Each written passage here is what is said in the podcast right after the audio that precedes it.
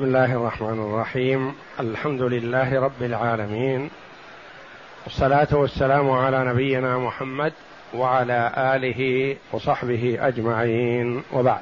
بسم الله أعوذ بالله من الشيطان الرجيم. بسم الله الرحمن الرحيم. وإن خفتم شقاق بينهما فابعثوا حكما من أهله وحكما من أهلها. إن يريدا إصلاحا يوفق الله بينهما إن الله كان عليما خبيرا. هذه الآية الكريمة من سورة النساء جاءت بعد قوله جل وعلا الرجال قوامون على النساء بما فضل الله بعضهم على بعض وبما أنفقوا من أموالهم. فالصالحات قانتات حافظات للغيب بما حفظ الله واللاتي تخافون نشوزهن فعظوهن واهجروهن في المضاجع واضربوهن فإن أطعنكم فلا تبغوا عليهن سبيلا. إن الله كان عليا كبيرا. وإن خفتم شقاق بينهما فابعثوا حكما من أهله وحكما من أهلها. الآية. في الآية السابقة بين جل وعلا ما الذي ينبغي إذا كان النشوز من الزوجة على زوجها. وقد أداها زوجها حقها لكنها ترفعت عليه كما هي حال بعض النساء. وفي هذه الآية الكريمة حصل الخلاف بين الزوجين وكل يرمي صاحبه بشيء ويقول إنه هو السبب فلهذه علاج يختلف عن العلاج السابق. العلاج السابق فيما إذا كان النشوز من الزوجة معروف والرجل قائم بحقه. فبين الله جل وعلا له أن يتخذ اولا الوعظ والتذكير والتخويف بعقاب الله. فإذا لم يجدي فالهجر فإذا لم يجدي فالضرب وليكن الضرب غير مبرح. في هذه الآية الزوجة تقول النشوز من الزوج هو الذي لا يريدني ولا يحبني ولا يعطيني حقي.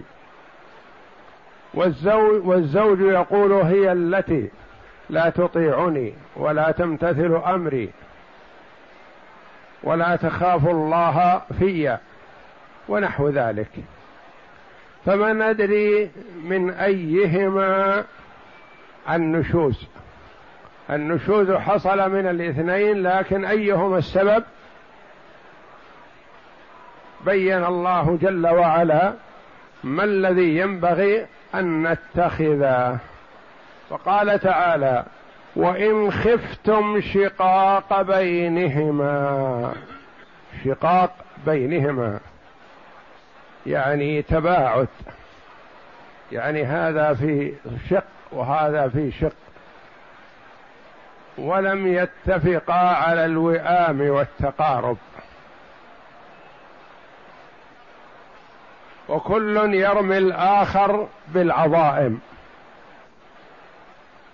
فما الذي ينبغي لنا أن نفعله؟ يقول جل وعلا فابعثوا حكما من أهله. يقال للزوجة أو لوليها رشحي حكما من قبلك من أهلك من ذويك من معارفك من جيرانك ممن تثقين به أنه يخلص لك.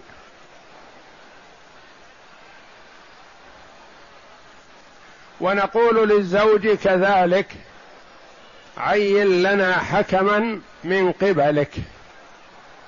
عين أباك أو أخاك أو ابن عمك أو جارك أو من شئت. حكما من أهله وحكما من أهلها. ثم إنه ينبغي للحكم من أهلها. أن يخلو بها إن كان من محارمها. وإن لم يكن من محارمها فيخلو بها مع محرم من محارمها. ويقول أصدقيني ما الذي ترغبين فيه؟ فلا يخلو. إما أن تقول أرغب الخلاص منه وفكني منه وخلصني. وأعطه ما شاء من المال لأستريح. أو أن تقول انصحوا نحوي بالرفق والإنفاق وحسن المعاملة وإلا فأنا ما أريد الفراق. لانها قد لا تقول هذا وعندهم أحد ينقل كلامها فيكون هذا بخلوة إن كان من محارمها وإن لم يكن من محارمها فبخلوة مع وجود محرم لها. ما خلا رجل بامرأة إلا كان الشيطان ثالثاهما فسيتضح له الأمر يكون عارف رغبة موكلته ومرشحته للحكم. ما يكون يقول ما أدري عنها ما أدري ماذا عندها. يخلو بها وتخبره. وعلى من رشحه الزوج أن يخلو بالزوج. ويقول أخبرني في حقيقة الأمر. أنت تريدها؟ أنت تحبها؟ أنت ترغب فيها؟ أرضيها أعطيها شيء من المال حتى ترعوي وتأتي معك؟ أم أنت تريد الخلاص منها وتريد أن نأخذ منها الفداء وتسرحها؟ أخبرني بحقيقة الأمر فسيخبره. يقول أنا خسرت عليها أموال طائلة وظهر لي أنها غير صالحة لي لكن أريد أستعيض ولو بعض الشيء فأنت خذ لي العوض ما تيسر. أو يقول هي زوجتي ولا أريد طلاقها وإنما عندها نشوز فقنعها وافرض لها من مالي ما شئت. أعطها من مالي من رضا ما شئت. أنا أريدها وأحبها. لكن هي تترفع علي. فيكون كل واحد من الحكمين قد استوضح الأمر واستجلاه. فيجتمع الحكمان وعليهما مراقبة الله جل وعلا. وعليهما الحرص على التوفيق بينهما وإزالة ما بينهما من مشاكل ومن أسباب تثيرها. يتقوا الله في هذا. ولا يجوز لمن رشحته المرأة أن يكون معها على طول الخط. ولا يجوز لمن رشحه الرجل أن يكون معه على طول الخط وإنما مع الحق. ومع من يراه منصف. فيتق الله كل واحد منهما في صاحبه وغيره. فابعثوا حكما من أهله وحكما من أهلها إن تيسر من أقاربه ومن أقاربها فهو أولى. وإن لم يتيسر فلو من معارفها أو جيرانها أو أصهارها أو نحو ذلك. إن يريدا اصلاحا يوفق الله بينهما. إذ يريد الضمير قيل يعود إلى الحكمين وقيل يعود إلى الزوجين. ويصلح لهذا وهذا. يوفق الله بينهما. كذلك. قيل يرجع إلى الحكمين. إن يريد اصلاحا يجعل الله جل وعلا رأيهما واحد وهواهما واحد ولا يختلفا. ويصلح أن يكون للزوجين يوفق الله بينهما يجمع بينهما على خير. إن يريد إصلاحا يوفق الله بينهما فيه أن التوفيق بيد الله جل وعلا. وإرادة الإصلاح تكون من المخلوق. المخلوق يريد الإصلاح. لكن ما يمكن أن يدخل في التوفيق لأن التوفيق بيد الله جل وعلا. وإرادة الإصلاح تحصل من المخلوق كما أنه يريد الإفساد. وقد يريد أحدهما تفريق بينهما لهدف من الأمور لأمر من الأمور. إن يريد اصلاحا يوفق الله بينهما يجمع بينهما.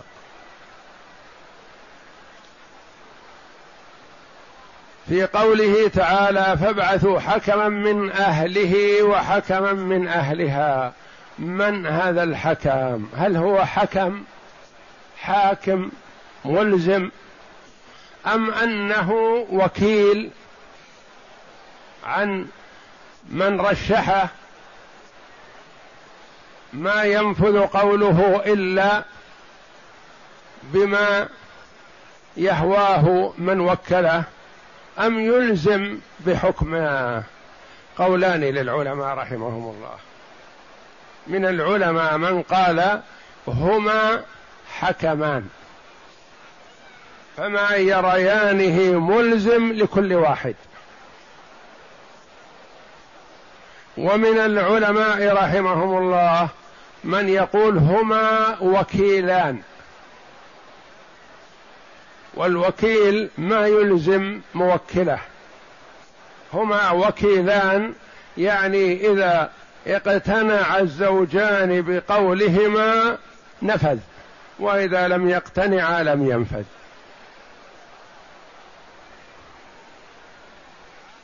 وظاهر الآية مع الأولين والله أعلم.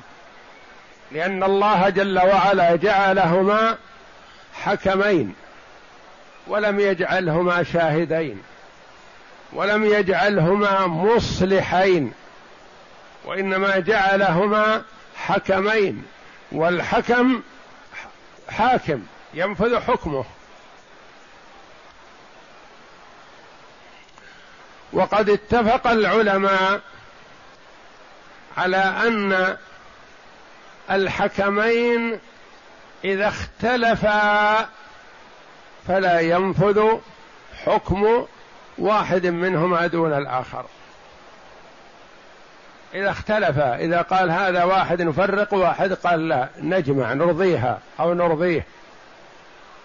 فلا ينفذ كلامهم معا. ثم اختلفوا إذا اتفق الحكمان على أمر ما هل هو ملزم للزوجين أو ليس بملزم إلا برضاهما؟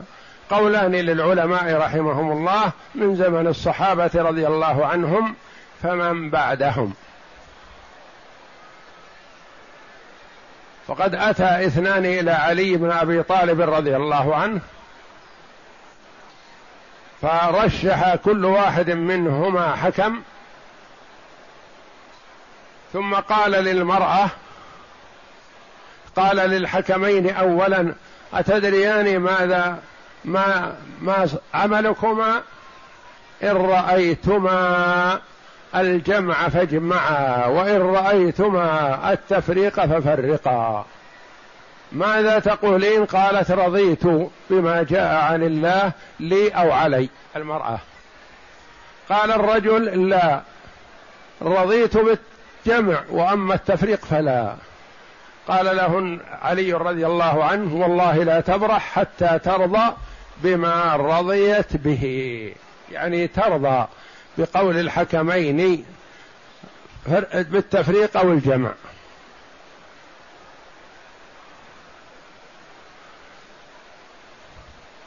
وقد اتفق العلماء على أنهما إذا رأيا أمرا ورضي به الزوجان معا فإنه ملزم لهما لأنه رضاهما. وقد حصلت القضية عند عثمان رضي الله عنه.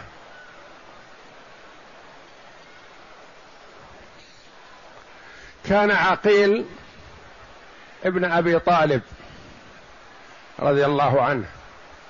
أخو علي وجعفر وهو أكبرهما أكبر منهما وهو آخرهما موتى. وكان سريع النكتة والإجابة. وكان يرجع إليه في معرفة الأنساب. ومثالب العرب ومفاخرهم.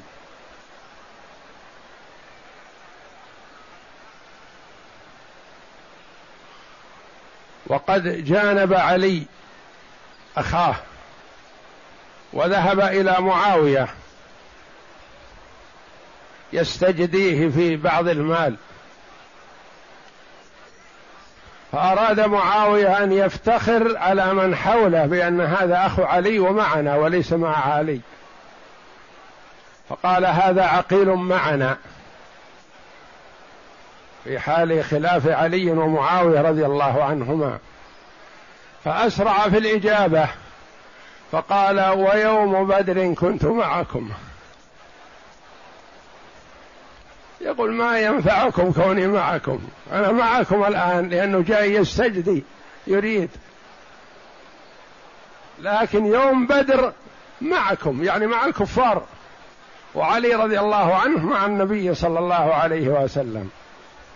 ويوم بدر كنت معكم.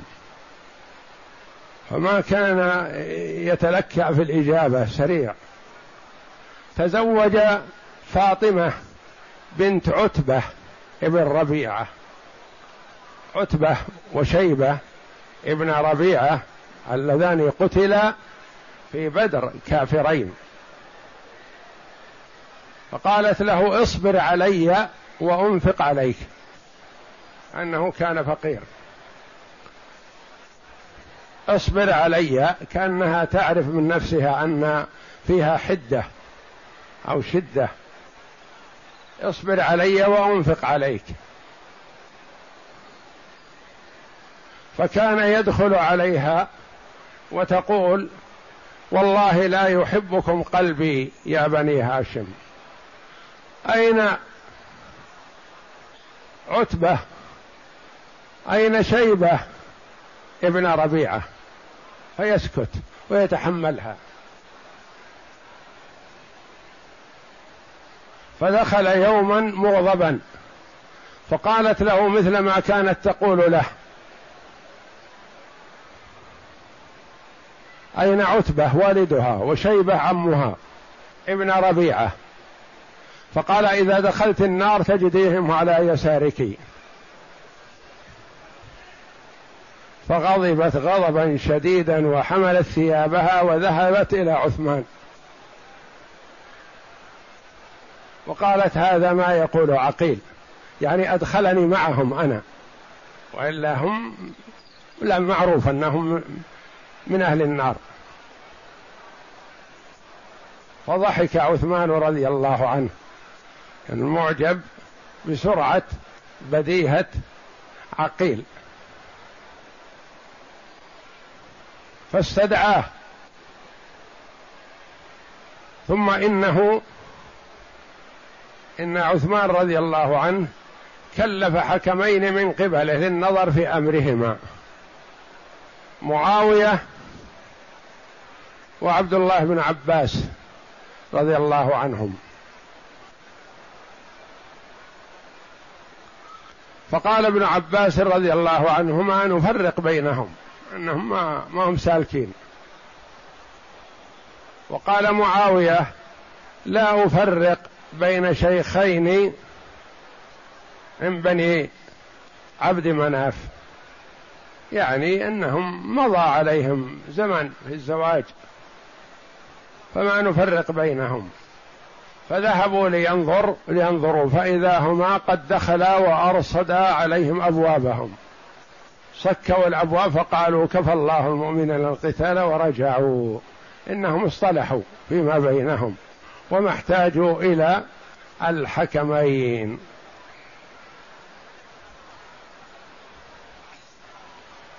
فهذه القضايا تحصل في زمن الصحابة رضي الله عنهم. وبعث عثمان رضي الله عنه حكمين وبعث علي رضي الله عنه حكمين.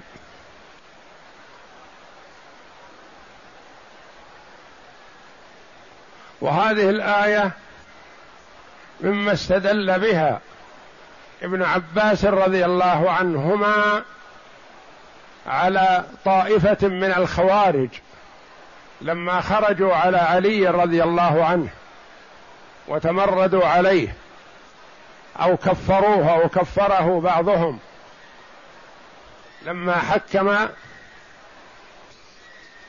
أبا موسى الأشعري من قبله وعمرو بن العاص من قبل معاوية رضي الله عن الجميع. فخرج عليه الخوارج وقالوا لا حكم إلا لله. كيف يحكم الرجال؟ فجاءهم ابن عباس رضي الله عنهما ليردهما إلى الصواب. وكانوا قرابة عشرين ألف أو أكثر. من الخوارج.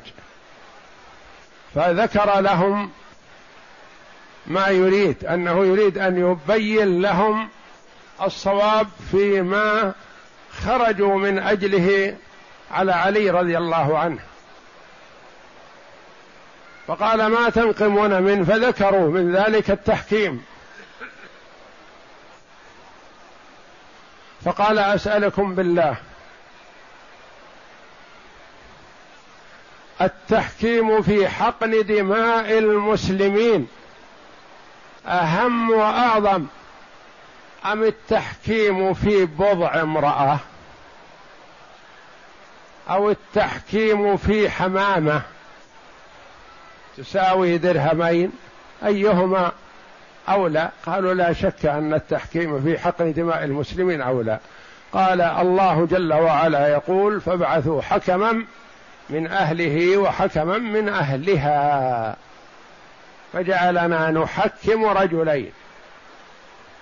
وقال جل وعلا يحكم به ذوى عدل منكم. هديا بالغ الكعبة في الحمامة والطير والصيد. فرجع الكثير منهم ولم يبقى إلا القليل من الخوارج. بقوة حجة ودليل ابن عباس رضي الله عنهما. فابعثوا حكما من أهله وحكما من أهلها إن يريد إصلاحا يوفق الله بينهما. إن الله كان عليما خبيرا. ناسب ختم الآية بهذين الاسمين الجليلين لله تبارك وتعالى إن الله كان عليما يعلم ما في نية كل واحد من الحكمين فعليهما إخلاص النية لله تبارك وتعالى. ويعلم ما في نفوس الزوجين وخبيرا بأحوالهم وبما يصلحهم سبحانه وتعالى.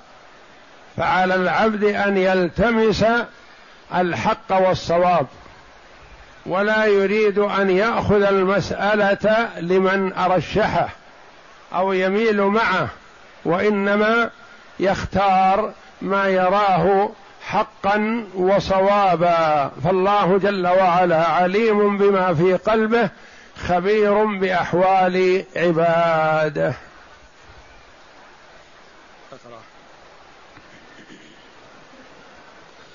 ذكر الله تعالى الحال الأول وهو إذا كان النفور والنشوز من الزوجة ثم ذكر الحال الثاني وهو إذا كان النفور من الزوجين فقال تعالى وإن, وإن خفتم شقاق بينهما فابعثوا حكما من أهله وحكما من أهلها وقال الفقهاء إذا وقع الشقاق بين الزوجين أسكنهما الحاكم إلى جنب ثقة ينظر في أمرهما ويمنع الظالم منهما من الظلم.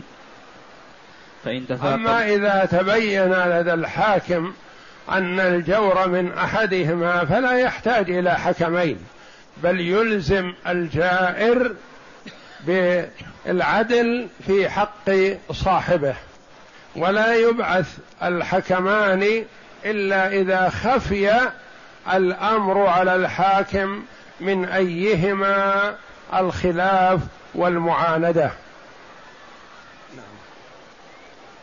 فإن تفاقم أمرهما وطالت خصومتهما بعث الحاكم ثقة من أهل المرأة وثقة من قوم الرجل ليجتمعا فينظرا في أمرهما ويفعلا ما فيه المصلحة مما يريانه من التفريق أو التوفيق وتشوف الشارع إلى التوفيق. ولهذا قال تعالى إن يريد إصلاحا يوفق الله بينهما.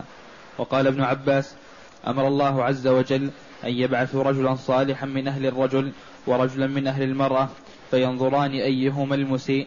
فإن كان الرجل هو المسيء حجبوا عنه امرأته وقصروه على النفقة. وإن كانت المرأة هي المسيئة قصروها على زوجها ومنعوها النفقة. فإن اجتمع رأيهما على أن يفرقا أو يجمعهما أو يجمعا فأمرهما جائز. فإن رأيا أن يجمعا فرضي أحد الزوجين وكره الآخر ثم مات أحدهما فإن الذي رضي يرث الذي لم يرضى. إنهم قد يريان الجمع على إرضاء الزوجة بشيء من ما من المال فلهما ذلك. وإذا رأيا التفريق على أن الزوجة تدفع لزوجها شيئا من المال فلهما ذلك. نعم. فإن اجتمع رأيهما على أن يفرقا أو يجمعا فأمرهما جائز فإن رأيا أن يجمعا فرضي أحد الزوجين وكره الآخر ثم مات أحدهما فإن الذي رضي يرث الذي لم يرضى ولا يرث الكاره الراضي. وعن ابن عباس قال بعثت أنا ومعاوية حكمين قال معمر بلغني أن عثمان بعثهما وقال لهما إن رأيتهما أن تجمعا جمعتما وإن رأيتما أن تفرقا ففرقا. وقال أنبأنا ابن جريج حدثني ابن أبي مليكة أن عقل بن أبي طالب تزوج فاطمة بنت عتبة بن ربيعة فقالت تصبر إلي وأنفق, وأنفق عليك. فكان إذا دخل عليها قالت أين عتبة بن ربيعة وشيبة بن ربيعة؟ فقال على يسارك في النار إذا دخلت. فشدت عليها ثيابها فجاءت عثمان فذكرت له ذلك فضحك فأرسل ابن, عب ابن عباس ومعاوية فقال ابن عباس لأفرقن بينهما وقال معاوية ما كنت لأفرق بين شخصين من بني عبد مناف. فأتياهما فوجداهما قد أغلقا عليهما أبوابهما فرجعا. وعن محمد بن سيرين عن عبيدة قال شهدت عليا وجاءته امرأة وزوجها مع كل واحد منهما فئام من الناس. مع كل واحد مع الرجل فئام من الناس ومع المرأة فئام من الناس يعني جاءه مجموعة من الرجال من الرجال مع الفريقين كل واحد يشتكي الآخر. نعم. فأخرج هؤلاء حكما وهؤلاء حكما فقال علي للحكمين أتدريان ما عليكما؟ إن عليكما إن رأيتم. أخرج المجموعة من الرجال الذين لا مهم وإنما يشوشون على الحاضرين. أخرجهم وبقي معه الزوجان والحكمين. أتدريان ما عليكما؟ إن عليكما يخبر الحكمين ماذا عليكما. نعم. إن عليكما إن رأيتما أن تجمعا جمعتما. فقالت المرأة رضيت بكتاب الله لي وعلي. وقال الزوج أما الفرقة فلا. فقال علي كذبت. والله لا تبرح حتى ترضى بكتاب الله عز وجل لك وعليك. رواه ابن أبي حاتم. وقد أجمع العلماء على أن الحكمين لهما الجمع والتفرقة. حتى قال إبراهيم النخعي إن شاء الحكمان أن يفرق بينهما بطلقة أو بطلقتين أو ثلاث فعلا. وهو رواية عن مالك. وقال الحسن البصري الحكمان يحكمان في الجمع لا في التفرقة. وكذا قال قتادة وزيد بن أسلم وبه قال أحمد بن حنبل وأبو ثور وداود ومأخذهم قوله تعالى إن يريد إصلاحا يوفق الله بينهما ولم يذكر التفريق. وأما إذا كان وكيلين من جهة الزوجين فإنه ينفذ حكمهما في الجمع والتفرقة بلا خلاف. وقد اختلف الأئمة في الحكمين هل هما منصوبان من جهة الحاكم؟ فيحكمان وإن لم يرضى الزوجان أو هما وكيلان من جهة الزوجين على قولين والجمهور على الأول لقوله تعالى فابعثوا حكما من أهله وحكما من أهلها فسماهما حكمين ومن شأن الحكم أن يحكم بغير رضا المحكوم عليه وهذا ظاهر الآية. والجديد من مذهب الشافعي وهو قول أبي حنيفة وأصحابه. الثاني منهما لقول علي رضي الله عنه للزوج حين قال أما الفرقة فلا قال كذبت حتى تقر بما أقرت به قالوا فلو كان حكمين لما لما افتقر إلى إقرار الزوج والله يعني أعلم. أن علي رضي الله عنه ألزمه أن يرضى فدل على أنه إذا لم يرضى فلا ينفذ حكم الحكمين. نعم.